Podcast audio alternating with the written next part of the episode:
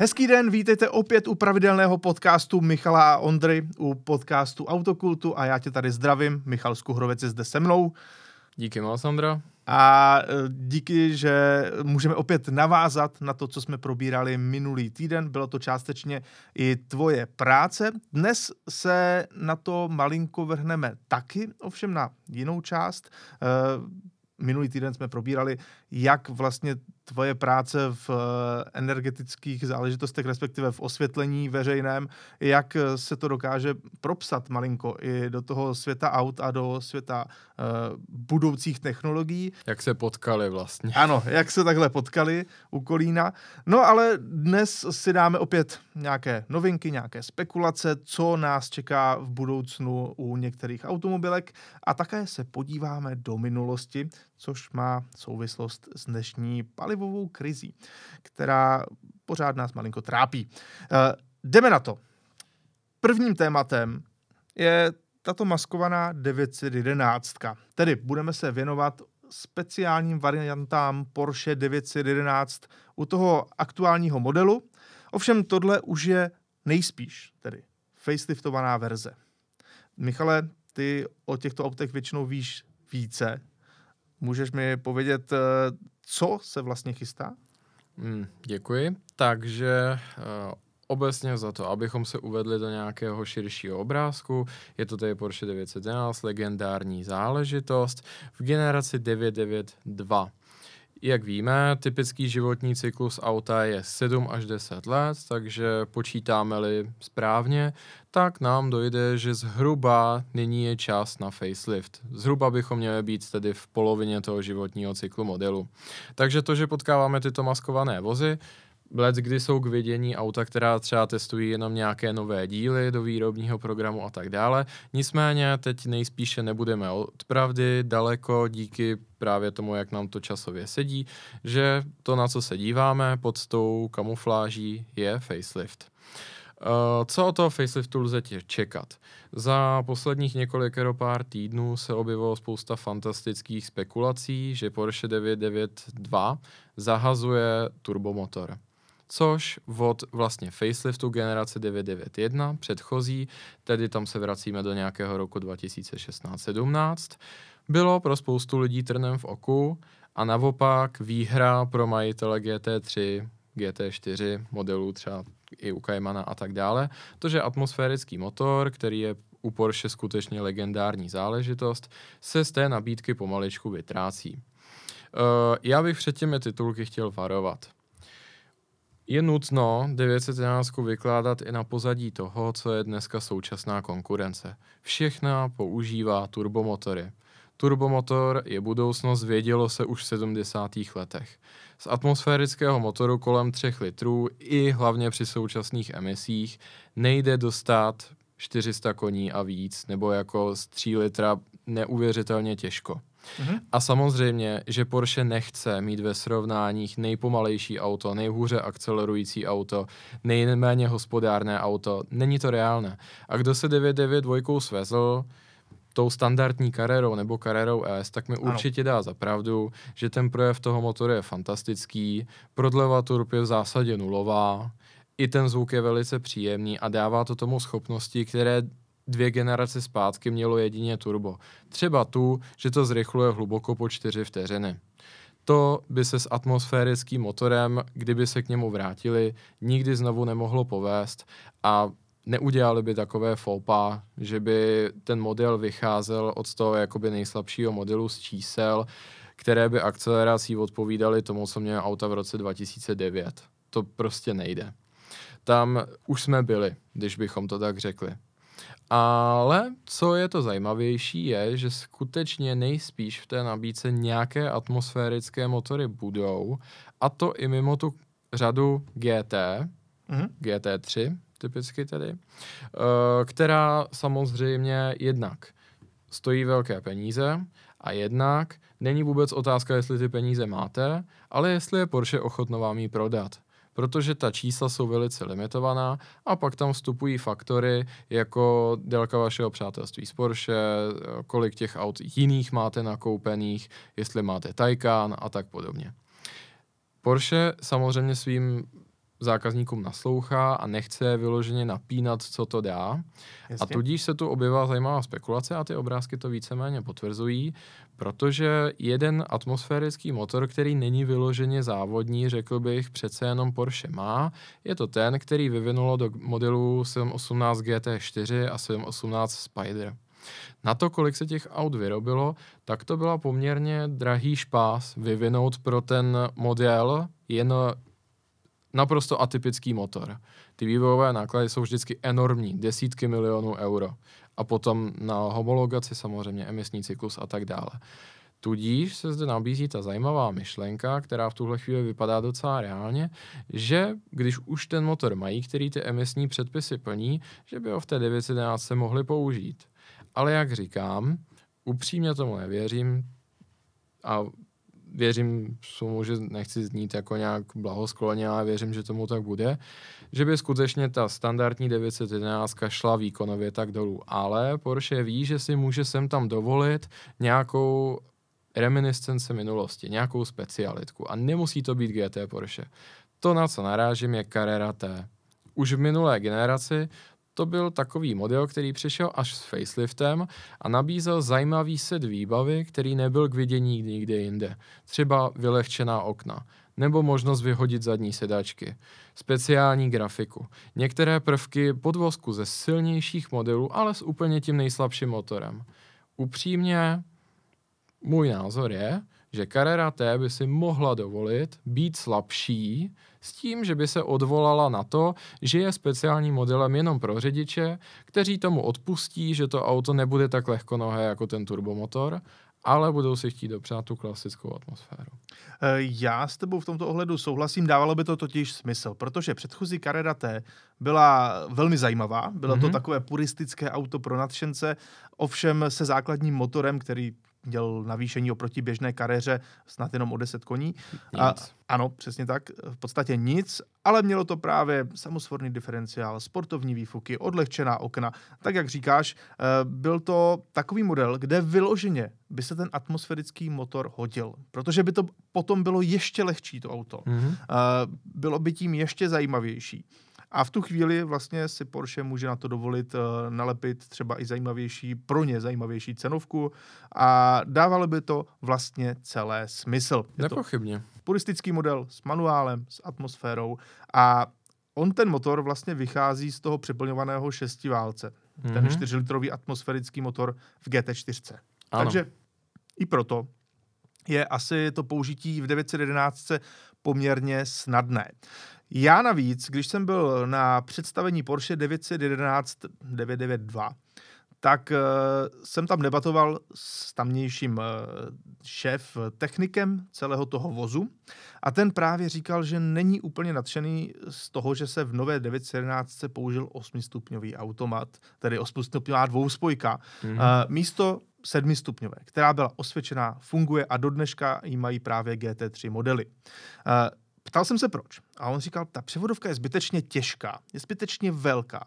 A, a já říkám, a, a proč ji tam teda máte? A on, no ale ono se asi s faceliftem počítá, že to auto bude hybridizované, že tam bude elektromotor v té převodovce. A proto tam to místo na ní, na ten elektromotor je, proto je ta převodovka velká a těžká.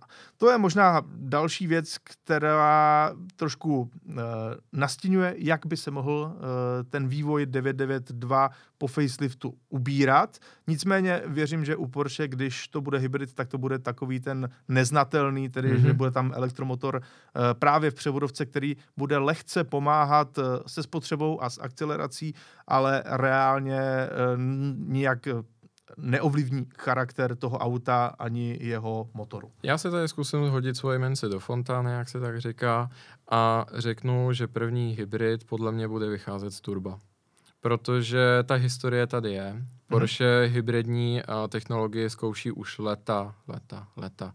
Byla s ní velice uh, úspěšná už v generaci 997 při závodu na Nürburgringu. Tehdy používali takový zajímavý systém, ale to bylo jenom lehké oťukávání a je to už víc než 10 let zpátky. Potom přišla 918 Hybrid hmm. a upřímně většinou tyhle ty technické finesy jako první dostává model Turbo, protože u něj se i poměrně snadno zamaskuje ta přidaná váha. Turbo je především brutální síla vpřed. To není... Ano. A cestovní vůz. Přesně tak. Pohodlný, lehkonohých, bytý.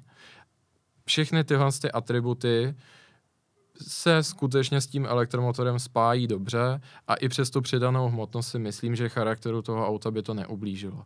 Určitě nebude první hybridizovaná GT3. Ta potřebuje pravý opak. Souhlasím. Eh, na, navážeme na to dalšími modely, které můžeme od Porsche a u 911 speciálně očekávat. Možná se může stát, že v době, kdy tento podcast vyjde, tak vlastně ta auta už budou, na sil, budou představená. Na silnicích ještě nebudou, budou představená, ale stejně uh, pojďme si trošku zaspekulovat. Mm-hmm. První věc, kterou tady mám, tak to je věc, na kterou jsme uh, někteří možná nečekali, ale někteří naopak vyloženě čekali. Je to zvýšené Porsche 911, tedy uh, auto, které jezdí na vyšším podvozku, má pohon všech kol a bude se jmenovat Safari. Nejspíš. Nejspíš. Uh, Michale, vím, že ty jsi fanoušek tohohle auta. Já musím říct, že mě se ta myšlenka neuvěřitelně líbí a hlavně proč jsem fanouškem toho auta. Protože na světě nenajdete druhou značku, která by tak strašně naslouchala fanouškům, jako je Porsche. Uh-huh. Proč vůbec tohle auto existuje? Dá se říct, že nedává smysl. Z hlediska výrobního programu značky nedává smysl, ale Porsche si všiml toho, že v posledních deseti letech na Instagramu, anebo prostě na setkání automobilových nadšenců se začali objevovat lidé, kteří brali staré 911 a dělali z nich napodobeniny těch takzvaných Safari modelů neboli 911, se kterými Porsche soutěžilo v dálkových rally ale to už je 40-50 let zpátky, jako to už dávno zavály písky času a ty dálkové rally dneska už to není tak atraktivní, jako to bývalo dřív. To byla jedna ze špiček motorsportu, dneska spíš vévodí ty okruhové disciplíny. Ale všimli si, že to je prostě ten, tenhle ten trend, to, že to lidem přijde zábavné, chtějí se odlišovat a tak dále a chtějí zaspomínat. A je neuvěřitelné, že oni reagovali tím, Konec konců, když si člověk třeba poslechne podcast s Andreasem Proiningrem, což je šéf GT divize, anebo Frankem Walliserem, což je šéf produktové linie 718 a 911, tak on zjistí, že oni ve svém volném čase uh, se nenechávají uh, vozit prostě na pravém zadním sedadle Panamery a jako nečtou jako Süddeutsche Zeitung nebo něco takového, nejsou to prostě biznismeni, kteří ano. to dělají jenom pro peníze. Oni chodí po těch uh, Cars and Coffee, po těch setkáních a aktivně se dívají na to, co ta scéna chce co by se jí líbilo. A to, že se pro tohle to rozhodli, mně to přijde fascinující. Mimo jiné je to taky uznání toho, že i běžné modely, jako je Carrera 4S, tak se v těch svých schopnostech dostávají tak neuvěřitelně daleko, že zažít s nimi zábavu už je na běžných silnicích, řeknou už je mhm. poměrně těžké, protože vyžadují extrémní rychlosti. S extrémními rychlostmi, když nejste závodní pilot, tak je potřeba i hodně prostoru kolem sebe. 911 Safari na YouTubeových videích z Nürburgringu, kde testovali ty prototypy, tak málo kdy tam najdete záběr, že by to auto jako kroužilo zatáčku ve stopě, ono většinou jede bokem. To všechno je to kvůli těm vysokým zdvihům a já řeknu... Přesun hmotnosti. Přesun hmotnosti a náklony, které tentokrát Porsche nebude eliminovat, ale naopak je tam bude přidávat. A v tom mi to přijde fascinující a třeba pro nás, jako pro Čechy, kteří upřímně se zamilovali do Jarisu GR, ano. Protože se dá používat i na našich rozbitých okreskách, by tohle to mohl být velký hit. Eh, já naprosto souhlasím a mě to vlastně baví na těch videích sledovat, jak to auto jezdí, protože tohle je Safari, říkejme tomu tak, eh, tak opravdu ono se naklání, ono se žvíká, ono vidíš, že tam eh, ta hmotnost pracuje, ale zároveň to jezdí neskutečně zábavně a de facto tady Porsche šlo tím, uh, tou cestou, že ono pro zábavu obětovalo kus gripu, obětovalo kus možná i přesnosti, byť teda podle těch videí to řidiči zvládají uh, korigovat velmi, velmi hezky. Mm-hmm. Uh, a vydalo se právě tou cestou, aby to byla sranda. Pojďme si užít nějakou srandu. A to mi přijde, že je trošku typické pro současné Porsche a modely 992 u 911, že oni najednou si ještě jdou užít, že tady mají ty spalovací auta s klasickým motorem mají turba, mají atmosféry, mají pohon zadních, pohon předních kol a jdou si to užít naplno a chtějí dělat čím dál více zajímavých verzí. O některých se zatím mluví jenom tak, že se jako tiše šeptá. Ty jsi zmínil už uh, Touring, uh, což by mohl být tedy manuál, uh, atmosféra ze základního modelu. Uh, já bych na to navázal variantou ST, o které se rovněž spekuluje. A to by měl být vlastně duchovní nástupce toho, co u předchozí generace bylo 911R. Auto, které vychází z toho nejostřejšího modelu GT3 RS, což je mimochodem tahle okřídlená mm-hmm. věc, mm-hmm. stále ještě nepředstavená, kterou vidíme na fotce a ke které se dostaneme za chvíli. A je to tedy auto, které vychází z toho nejvíc okruhového, co Porsche nabízí na běžné silnice, ale oklešťuje to od té aerodynamiky, od toho obrovského křídla a dá k tomu manuál. Takže tam budete mít nejostřejší motor, manuál a je to vlastně auto pro radost, eh, pro užívání si těch zajímavých chvilek. Bude upřímně zajímavé pozorovat, co tady vlastně Porsche vymyslí, protože, jak jsi říkal, kdyby hypoteticky byla ta atmosférická kariéra T, hmm. tady se mimo jiné dostáváme trošku do krize s těmi pojmenováními, protože tak. ono to T znamená Touring, ale Porsche už teďka o tom mluví jenom jako o T, protože Touring je tady taky, to je GT3, GT3 Touring. Ano. A pak je tady hypote- právě ta šuškanda onom 911 ST, což by tedy mělo být GT3 RS Touring v uvozovkách. Ano. Bude velice zajímavé pozorovat, jak se bude GT3 Touring a eventuálně 911 ST od sebe odlišovat. Protože je-li GT3 Touring odkřídlená GT3, tak ST by bylo odkřídlené GT3 RS, ale třeba v minulé generaci byl ten rozdíl mezi GT3 a GT3 RS jako nebyl zas až tak velký. Mm-hmm. Obě dvě jsou to extrémně schopná auta, vždycky je tam 10-15 koníků navíc v GT3 RS a pak samozřejmě brutální vylehčení a přenastavená kinematika podvozku. Ale jako není to rozdíl den a noc. Ano. Uh, další taková speciální varianta by mohlo být de facto turbo v zadokolce, což teda bývalo vždycky mm-hmm. GT2, ale turbo v zadokolce s manuálem má být takový vlastně návrat k těm uh, zběsilým turbovým zadokolkovým uh, 911 Ovšem, eh, tam asi nebude, nemůžeme čekat nějaký extrémní výkon. Přece jenom to bude zase vyhrazené té GT2, která tedy nevíme, jestli přijde, ale nejspíše ano.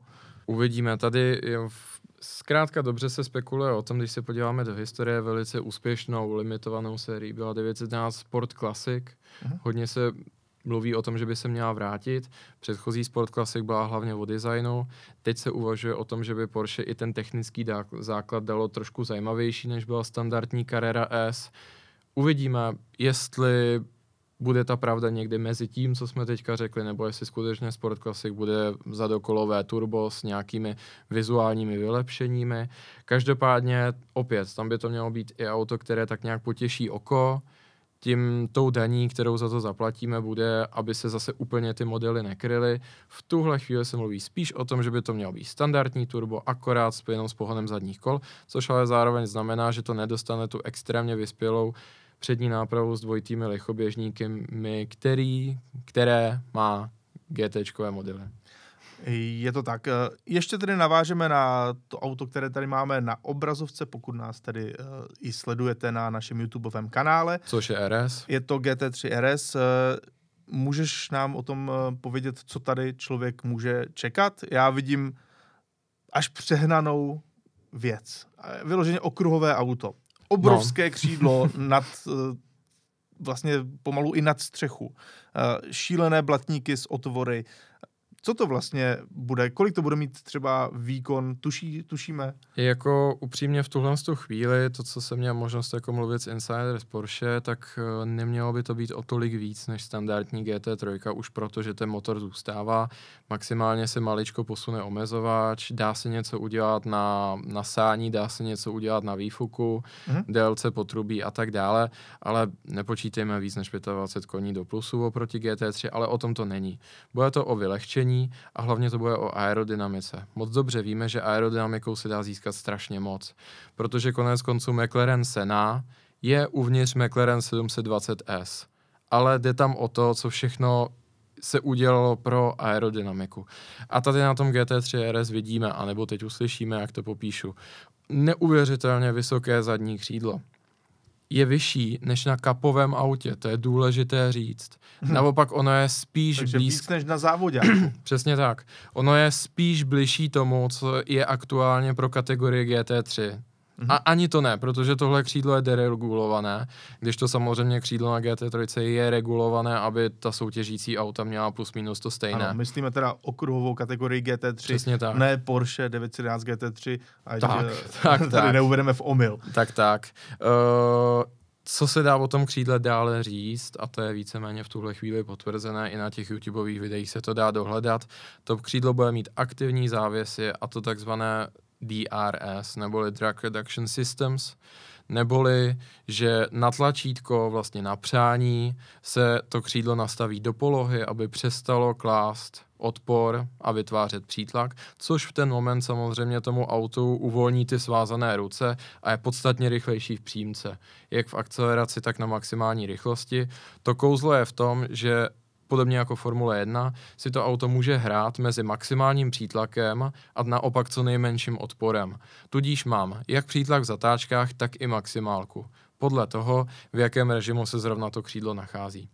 Stejně tak tady můžeme počítat s neuvěřitelně agresivní aerodynamikou vepředu, ty kanály chladící a zároveň ty, které urychlují ten vzduch, tak se budou proplétat celou kapotou, celým kufrem, předními blatníky.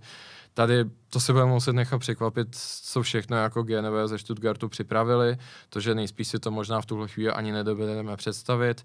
Na obrázku vidíme, že budou odvětrané přední podběhy, což samozřejmě snižuje vztlak výrazně, ale zároveň vidíme, že to bude procházet tím blatníkem i z boku, což nikdy v minulosti nebylo a dost možná tam bude i náporové sání nějakým způsobem zpracované pro motor, tam by se získ- dali získat ty koně navíc.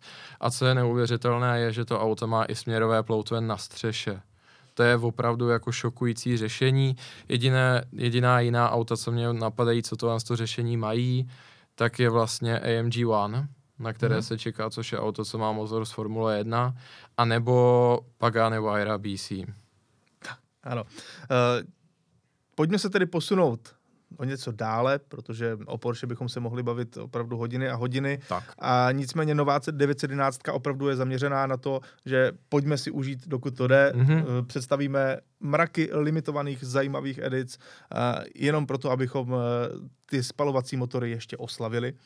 Ale v dnešní době je přece jenom takový trošku problém, co dál, eh, když si člověk chce normálně koupit auto. Eh, Má jít do ojetého auta, jaké tam jsou úskalí. Má jít do nového auta, eh, no jo, ale to se teďka špatně shání. Přece jenom ta výroba často vázne, je to tak už delší dobu a nejspíš se toho jen tak nezbavíme. Tudíž důležitá otázka je, jak je to vlastně s ojetinama. Jestli má smysl se do nich pouštět, nebo je lepší ta sázka na jistotu, jestli je lepší soukromník, autobazar. No a právě tím, že my dva se přece jenom eh, i o, o jetiny zajímáme, nějak se tím zabýváme, tak eh, je asi dobré tohle téma otevřít. Tady mám fotografii tvého projektu A jedeš, což Děkuji. je vlastně zprostředkování Mhm. uh, prodeje ojetých aut. Uh, já sám mám uh, taky uh, částečně firmu na uh, ojetá auta Fairplay Cars. Uh, tudíž uh, oba se v tom pohybujeme Mhm. a oba víme, jak uh, je to uh, občas náročný, občas děsivý a občas uh, i překvapivý trh. To určitě. Pojďme si tedy říci, že když člověk si chce pořídit ojeté auto, třeba takovou tu Bestseller. úplně obyčejné auto, přesně tak, uh, co má očekávat? Uh, za prvé, a co si musí pohlídat? Na co si dávat bacha? Z mého pohledu, to je mimo jiné taky důvod, proč jsme založili náš startup AED.com, protože Mhm. jsme chtěli změnit kulturu vlastně prodeje ojetých aut a hlavně pomoci soukromníkům dostat jejich auta na trh kvalitně a kvalitně odprezentovat. My jsme vlastně taková realitka na auta, ale my jsme to spolu rozebírali v jednom podcastu, Tak. který je vlastně jenom o AEDeš, Mhm. je tady na kanálu Autokultu. Ale na co si hlavně dávat pozor, a to je třeba to, co my i v rámci AEDeš akcentujeme. Historie, historie, historie. To je alfa omega u všech ojetých aut. Nové auto má samozřejmě tu výhodu, že ta historie ještě není napsaná. Všechno je svěží, čerstvé, nepoškozené. Co se týče ojetých aut, vždycky dbejte na to, abyste kupovali auto, které bylo ideálně dobře servizované, které bylo ideálně nehavarované. Pokud bylo havarované, nic se nenalhávejme. Podle statistik všechna auta, Přesně tak. Všechna auta, nebo respektive víc než 30% aut starších 4 let mělo nějakou pojistnou událost. A tahle čísla stoupají a na sedmi letech, což je pořád pod průměrem těch ojetin v Česku, tak už je to přes tři čtvrtiny. Ale ne všechny pojistné události jsou nutně špatně a neznamená to, že to auto máme odepsat. Ale klíčové je se dozvědět, jak moc bylo havarované a hlavně kdo a jakým způsobem to opravil garážistických oprav doporučuji se opravdu vy, vymezit. Ne, mm. to fakt ne. Ale pokud je auto opraveno dobře, typicky v autorizovaném servisu, nemusí to nutně znamenat, že by bylo horší, než bylo předtím. Samozřejmě v té historii auta to nějaká kaňka je, ale pokud je to zohledněno v ceně a to auto bylo skutečně dáno do pořádku tak, jak se sluší a patří, nemusí to nutně znamenat nějakou velkou minelu, když to tak řeknu. Ale to všechno, když to auto vybíráme, je klíčové podchytit včas. Tudíž pouze auta s prověřenou historií. To je klíčová rada. Ano, důležité jsou informace a může to být i rada pro naše diváky a e, posluchače. Pokud prodávají ojeté auto, e, tak sami by měli e, k tomu nabídnout veškeré ty informace, co o tom autě Určitě. vlastně vědí. A ideálně třeba, pokud byl nějaký ťukanec, mm-hmm. tak fotky. Mm-hmm. Jo, ať, je, ať je jasně vidět, eh, jak moc to bylo náročné, anebo o co se tam jednalo. Pojďme ale na to, že si jdeme třeba typicky koupit ojeté auto od soukromníka. Já osobně mám tu zkušenost a málo kdy se o tom mluví, že lidé si třeba neprověřují, eh, jak na tom ten soukromník je z hlediska nějakých exekucí a eh, podobných záležitostí insolvencí. Mm-hmm na to dneska existují eh, různé eh, páky, většinou placené služby, kde si člověk dokáže zjistit, jestli je bezpečné to auto vůbec koupit. Ale přijde mi to takový jako jeden z těch varovných styčených prstů, na to se tady moc nehledí a když si koupíte takovéto auto, které eh, má člověk, který je právě v insolvenci nebo v mhm. exekuci, tak vám ho můžou velmi snadno sebrat a vy už třeba neuvidíte ani auto, ani peníze. Může se to stát. Samozřejmě otázka převodu vozidla je primárně právní otázkou mm-hmm. a uh, vozidlo, stejně jakýkoliv jiný majetek, tak právě může podléhat soudním rozhodnutím, uh, rozhodnutí exekutora. A nebo právě ten člověk může být absolutně v úpadku a hmm. pak uh, přichází prostě plejáda dalších potíží. Čili když vybíráme auto od soukromníka, pokud zde není nějaký, řeknu, důvěryhodný zprostředkovatel, který by tohle to všechno pokryl, skutečně je to soukromník na soukromníka, tak je důležité vzít se na to dostatek času. Nikdy nespěchejme. Klíčová rada. Doporučuji třeba si i klidně vzít dovolenou, protože hmm. prostě jako po práci to nezvládnete, včetně toho přihlášení. Proto třeba jsme i založili tu službu, protože spousta lidí tohle nezvládá. A když náhodou to chcete zvládnout, vemte si snad radši to volno. Domluvte se s prodávajícím, abyste auto prověřili v servisu. Toto opravdu doporučuji všema deseti. Můžete říct, že tím utratíte peníze, ale ne, vy musíte na to pohlížet spíš tím způsobem, že je ušetříte. Protože vy do toho auta nevidíte, pokud nejste hmm. automechanik. A i když jste automechanik, pokud to auto nemáte zvednuté a připojené na diagnostické zařízení, nevíte o tom skoro nic. Takže opravdu doporučuji tu prohlídku v tom servisu. Tím máme ten materiální stav toho auta pokrytý. A pak ten právní. Což můžete dokonce i se sníženými poplatky, pokud umíte z rejstříky, jako je insolvenční rejstřík, nějakým způsobem prověřit. Třešničkou na dortu je pak samozřejmě kvalitně napsaná kupní smlouva. Ať už jste na té či oné straně, vězte, třeba teďka to bude rada těm prodávajícím, pokud má vaše auto nějakou vadu na kráse, třeba hmm. ten ťukanec nebo tak, upřímně nekryjte to. Uh, pryč jsou ty doby, kdy se o tohle to absolutně nešlo soudit. Dneska se o to soudit lze. Advokáti to dělají rádi a i soudy tomu vyhovují. A samozřejmě je tady ten korektiv toho, že ojetá auta nejsou nová, tudíž nějaké chyby mají, ale pokud je tam něco, co obvykle tomu standardu neodpovídá, třeba ta havárie, anebo něco, co se, když to tak řeknu lidově, vysypalo, ačkoliv by to ještě být vysypané nemělo, tak na té půlroční kvazi záruce, která je v občanském zákoníku, to může skončit špatně. Na druhou stranu stejně tak tím nechci uklidňovat ty kupující, aby úplně jako všechno tohle pustili z hlavy a koupili to hlava nehlava, že je kryje ten půl rok. Ne. Vy máte naopak opravdu vysokou odpovědnost v tom právu to auto prověřit. Takže ideálně, vemte ho do servisu, pokud tam není prodejce, které, který by tohle už všechno udělal za vás, nebo zprostředkovatel, takže ideálně. Vemte to auto ze servisu a pak ho proběhněte těmi rejstříky aut kradených, aut v soudních rozhodnutích a tak dále.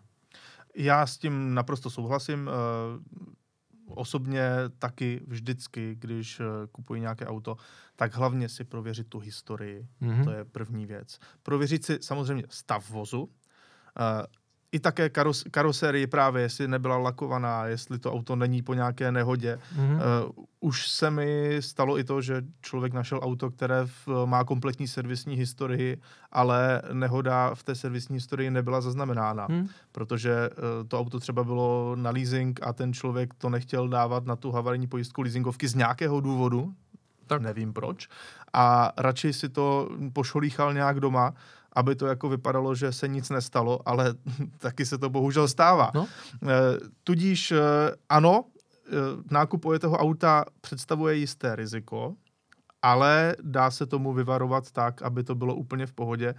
A Určitě. dneska na trhu hodně letí zánovní auta. Myslím si, že to je právě i proto, že nových aut je nedostatek a dlouho se na ně čeká, tak je to uh, takový jako uh, pozitivní, pozitivní věc, že, že to můžete vyřešit zánovním autem, která naštěstí často bývají v té tovární záruce, což mm-hmm. také hodně pomůže. Mm-hmm. Uh, Michale, já bych se chtěl ještě zeptat na jednu věc, protože teďka je trend, že ceny ojetin za poslední rok, dejme tomu, výrazně stouply. Uh, nevypadá to, že by se to mělo hned jen tak zastavit. Je to dané mm-hmm. nějak uh, tím, že je vysoká inflace, tím, že nová auta zdražují a jsou nedostupná uh, a je to dané prostě několika dalšími faktory. Uh, co si ty o tom myslíš? Má člověk, když chce koupit ojeté auto, radši počkat, nebo má to udělat co nejdřív? Jak ty to vidíš? Upřímně ještě před pár dny bych mluvil jinak, ale bohužel i vzhledem k těm smutným a tragickým událostem musím teďka ten názor změnit. Mhm. Ještě nedávno bych řekl a odvolal bych se na člena bankovní rady ČNB Aleše Michla, ekonoma, který mhm. to nádherně vyjádřil jako takzvanou kečupovou ekonomii. Ten covid zastavil veškerý život a když bychom si to představili tu ekonomiku jako kečupovou lahev, tak mhm. to je prostě z té lahve se nic nedávalo ven, a on nám ten ketchup tam zatve, zatvrdl nahoře. Ano. A my teďka, když se uvolnilo po covidu, tak s tím kečupem klepem a klepem, ale protože to zatvrdlo, tak z toho, že z té láhve žádný kečup nevíde. A tak s tím budeme klepat tak dlouho, dokud to z toho nevyletí a nebudeme mít v talíři jenom kečup. A to mm. je přesně to, co se mělo stát. Že prostě ty automobilky, jak stály a bylo, když to tak řeknu, to zadrhnuté, tak lidi poptávali auta, ceny ojetin to vyhnalo do výšin. U aut, které už dávno propadaly na té své hodnotě, tak je to zase vrátilo zpátky. Ilustrativní příklad. Tři roky stará nebo dva a půl roku stará Mazda CX-30 mm-hmm. se jako ojetina dá lehko prodat za její ceníkovou cenu, pokud má méně než 25 tisíc kilometrů. Mm-hmm. Takže jako snadno. Ale opět, nutno dodat. Nepodléhejte té iluzi, že desetileté auto je prostě nějaký poklad. Ne, ta kvalita toho auta je opravdu vysoký parametr a nejvíc tu smetanu slízávají ty zánovní vozy. U těch starších auto neznamená, že by všichni měli doma jako zlato teďka. Mm-hmm. Ne, vždycky záleží na kvalitě toho auta a vy na tom autě nevyděláváte. Spíš se jenom jakoby brzdí ten prodělek. Jo, tak. docela zajímavým způsobem, a, ale není totiž, to taková hitparáda zase. Když si vezmeš inflaci a když si vezmeš, že vlastně všechna auta Právě. stoupají nějak na ceně, tak eh, člověk na tom nevydělá. Protože no. si nekoupí za ty samé peníze, si nekoupí Právě. nic lepšího. Právě. No, každopádně to vypadalo, že teďka po tom covidu se to rozběhne, zasytí se ti, kteří na auto čekali ale jako jak se budou potřebovat zasytit, tak se na ten trh vylije opravdu velké množství aut, které čekali v té frontě během covidu. Jenže co se nestalo? Přišla válka na Ukrajině. Rusko je naprosto klíčový dodavatel surovin pro automobilový průmysl hmm. a Ukrajina zase uh, domov spousty subdodavatelů na světla. Zase to kliše, čipy, kabelové hlavně svazky. kabelové svazky, ano. to je alfa omega. Třeba právě jak jsme zmiňovali Porsche, zastavuje na několik týdnů výrobu, Škodovka taky. Podle všeho teďka jsem slyšel, že nejde, že nový Superb prostě ani v roce 23, když by ho teďka člověk chtěl jako do výroby. Takže ještě nedávno bych řekl, v klidu vyčkejte a ten trh se zase normalizuje a ty ceny spadnou. Ale teď musím říct, že tehle geopolitický konflikt se hned tak nevyřeší. O ty suroviny z Ruska jsme přišli, na Ukrajině se nejspíš hned tak něco vyrábět nebude, takže upřímně řešení tohoto je v tuhle chvíli v nedohlednu. Takže jestli auto potřebujete, puste se do vybírání. Nebuďte zbrklí, ale není na co čekat.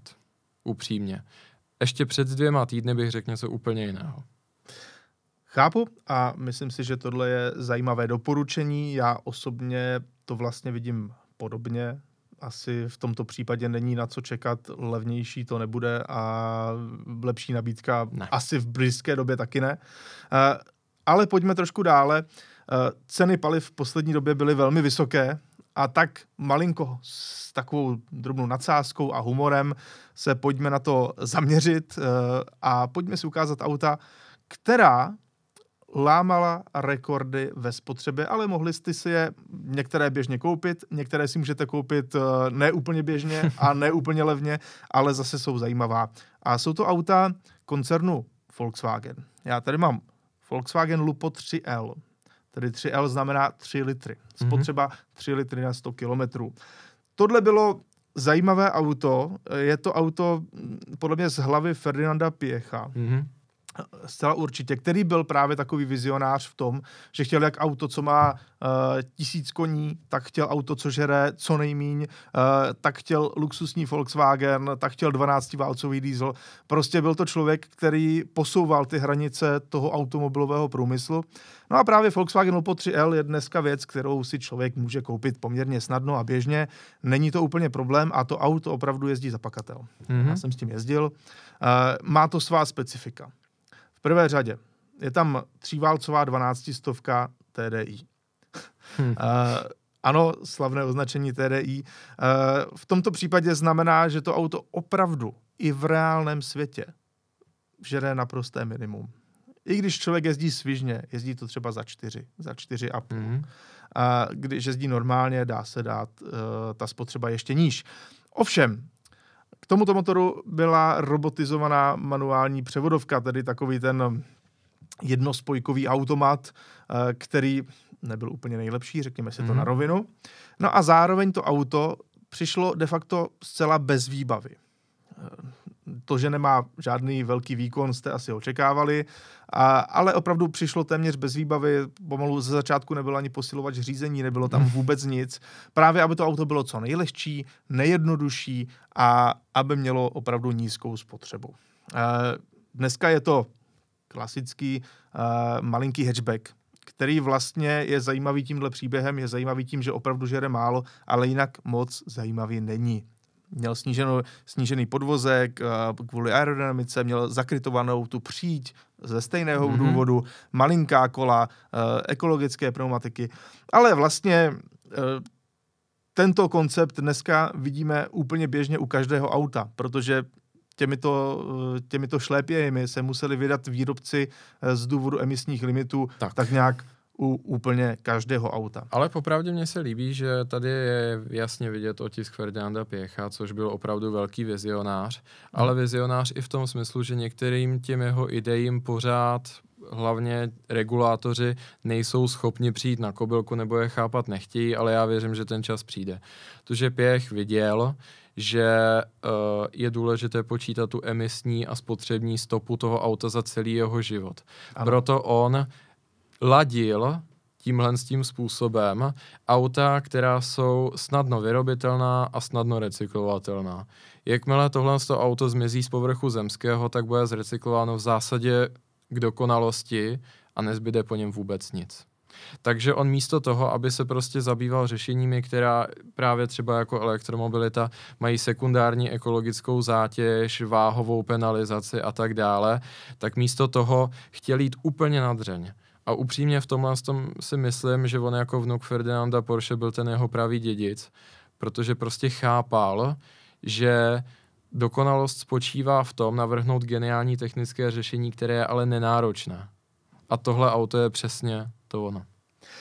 Ovšem, tím se vize Ferdinanda Pěcha nezastavila. Ferdinand Pěch pokračoval dál v autě, co žere ještě míň. A tam opravdu nastala revoluce uh, v tom, že se na trh podívalo auto jako žádné jiné. Byť tedy na trh je potřeba hmm. říci v úvozovkách. To auto se jako nové nedalo úplně běžně koupit. Dnes si ho koupit můžete a rozhodně není levné. Ale ono, když se na ně člověk podívá, tak brzo pochopíte proč. Byl to Volkswagen XL1, tedy experimentální vůz, který měl mít spotřebu 1 litr na 100 kilometrů. Vypadá, no, jak bych to jenom popsal? Je to něco mezi rybou, eh, nějakým eh, kosmickým plavidlem a futuristickým autem z roku 2082. Tak nějak. Ano, tak vypadá Volkswagen XL1. Pokud jste posluchači, určitě doporučuji si vygooglit, jak tohle auto vypadá. Já jsem tím autem jezdil. Měl jsem to štěstí, protože eh, těchto aut se opravdu nevyrobilo mnoho. Mám pocit, že okolo 200 kusů nebo přesně 200 kusů. Dnes se prodávají za 100 tisíc euro, tedy za 2,5 milionu korun. A je to auto, které šlo vlastně ve všem dál. Zaměřilo se na aerodynamiku. Na tom autě to je vidět na první pohled. Má ten přísně aerodynamický tvar, dlouhou záď, zakrytovaná kola, pozvolně, pozvolně klesající střechu a dokonce ono nemá ani žádná zpětná zrcátka. To bylo už v roce 2014 řešeno pomocí kamer a pomocí displejů ve dveřích tam, kde byste normálně eh, to zrcátko očekávali, respektive malinko níže. Nefungovalo to samozřejmě úplně nejlépe, tak jako to s těmito technologiemi bývá. Ovšem ten účel to splnilo. No a na světlo světa se tedy dostalo tohle neuvěřitelné auto. V životě jsem ne, ne, neřídil žádné auto, které by poutalo na sebe tolik pozornosti jako právě XL1. A zároveň to bylo auto, které opravdu reálně dokázalo jezdit za málo. Jeden litr byl podmíněn jednou uh, drobnou věcí a to je hybridním pohodem, tedy plug-in hybridním pohodem. Vy jste si to auto museli nabít, což se dělalo skrz takovou krabici, která připomíná eh, stolní počítač. A v té době opravdu to bylo ještě dřevní technika v tomto nabíjení, protože ten stolní počítač jste takto vytáhli ze zádi vozu, postavili jste ho vedle auta a Aha. napíchli jste přes něj auto do zásuvky. Eh, působilo to hrozně, to auto se nenabíhlo ani nějak rychle a ani nic podobného, ale svůj účel to splnilo. Takže to auto dokázalo jezdit čistě na elektřinu, ale k tomu všemu mělo ještě dvouválcový naftový motor bylo spojené uh, celé tohle uh, ústrojí se šestistupňovou dvouspojkovou převodovkou, pokud se tedy nemýlim a už mě neklame moje paměť. No a celé to dalo auto, které bylo naprosto kouzelné. Nemělo žádný posilovač řízení. Bylo lehoučké. Mělo tenoučké pneumatiky. A řídilo se jako taková přirostlá motokára. Pohon kol byl zadní, protože ten dvouválcový motor byl vzadu. No a to auto dokázalo jet až 160 km hodině, což samozřejmě není až tak mnoho, ale co na tom je e, zajímavé, je to, že i při té maximální rychlosti jste se vlastně nikdy nedostali přes nějakých, eh, já nevím, 5 litrů na 100 kilometrů, i když to bylo úplně vybité a vy jste na tom stáli jako na rýči. Prostě to víc nežralo. Běžná spotřeba byla mnohem nižší, uh, umělo to opravdu jezdit i za třeba 2-3 litry, uh, když jste byli vyloženě ekojezdci, nabíjeli jste pravidelně, nežralo to skoro nic.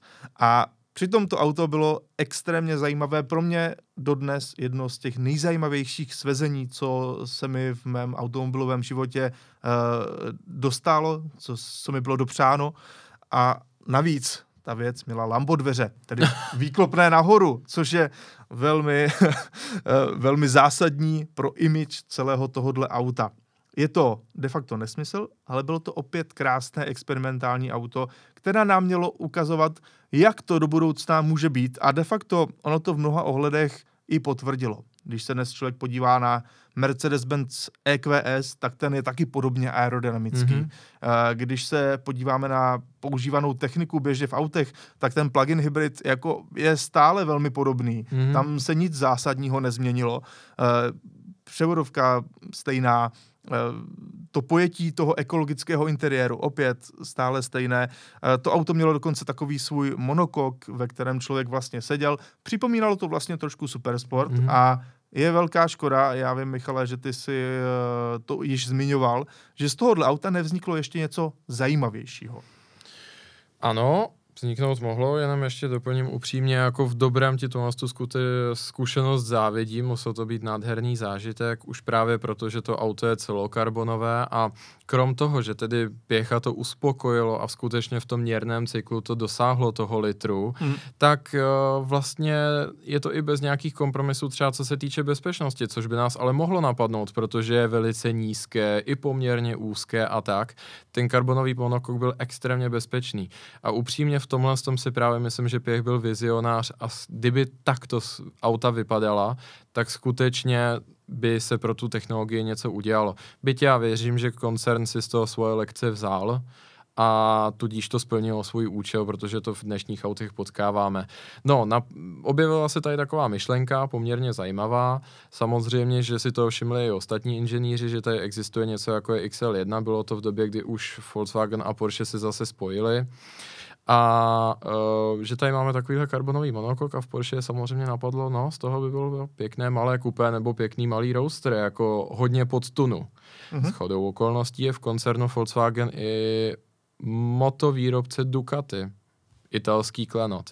A tak skutečně vznikla v studie už poměrně pokročilé pra- fázi rozpracovanosti na malý sportovní vůz, který vycházel z tohoto karbonového monokoku, ale za tím zadním sklíčkem tak byl ten dvouválec z 1199 Panigale Superbike, což dávalo krásných 200 koní a to auto bylo opravdu hluboko pod tunou a s úplně minimálním aerodynamickým odporem.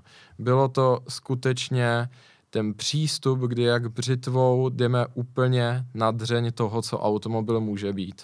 Insider říkal, že to byl skutečně fascinující projekt, který si fakt přáli vyrobit. Hmm. Problém byl samozřejmě ten, že ta technologie toho karbonového monokoku je dost drahá. Nemluvě o tom, že i jiné automobilky se pokusily o podobný přístup, byť zdaleka ne tak radikální, třeba Alpin A110. Mm-hmm. Novinářské ceny a odborné veřejnosti to sbírá, ale tolik se to neprodává. Podobně Alfa Romeo 40. Třeba. Přesně tak. Ano, tak to byl ten hlavní problém, proč vlastně nevzniknul uh, ten sportovnější derivát právě na základě tohohle auta, které vlastně nemělo být úplně sportovní, byť, uh, byť některými vlastnostmi tam mm-hmm. tak mhm. samozřejmě působilo, protože tu koncepci prostě ano. nejde zakrýt. Zajímavé, uh, škoda, že právě tahle uh, vývojová větev nakonec nevznikla, ale asi by to nejspíše opravdu skončilo neúspěchem u zákazníků, kteří nejsou zrovna nakloněni podobným modelům. Ostatně Minule jsme se bavili o Lotus Elise, ten taky skončil a přes a tam je to taky škoda, protože to také bylo auto, které eh, mělo potenciál v tom, že bylo vlastně poměrně ekologické. Ale upřímně třeba i vzhledem k vývoji poslední situace se k tomu vrátíme. Já bych neházel Flintu do žita, protože konec konců koncern Volkswagen masivně investuje do vývoje uh, náhražek fosilních paliv, které se vlastně vyrábí zachytáváním oxidu ohličitého z atmosféry a mícháním s vodou, uh-huh. což by konec konců mohlo být to řešení, když teďka přijdeme o spoustu té energie jako z východu. A právě takováhle auta by byla úplně ideálními konzumenty takového paliva. V momentě, kdy se budeme muset trošku uskromnit, třeba se k téhle z té koncepci, kdy se jde až na jádro toho, co může být automobil a okrajujeme ta zbytečná kila a zbytečný prostor, třeba se k tomu dostaneme. No a s tímto závěrem se dnes opět loučíme. Děkujeme, že jste nás poslouchali či sledovali na našem YouTube kanále a uvidíme se či uslyšíme zase za týden. Za týden, naschledanou.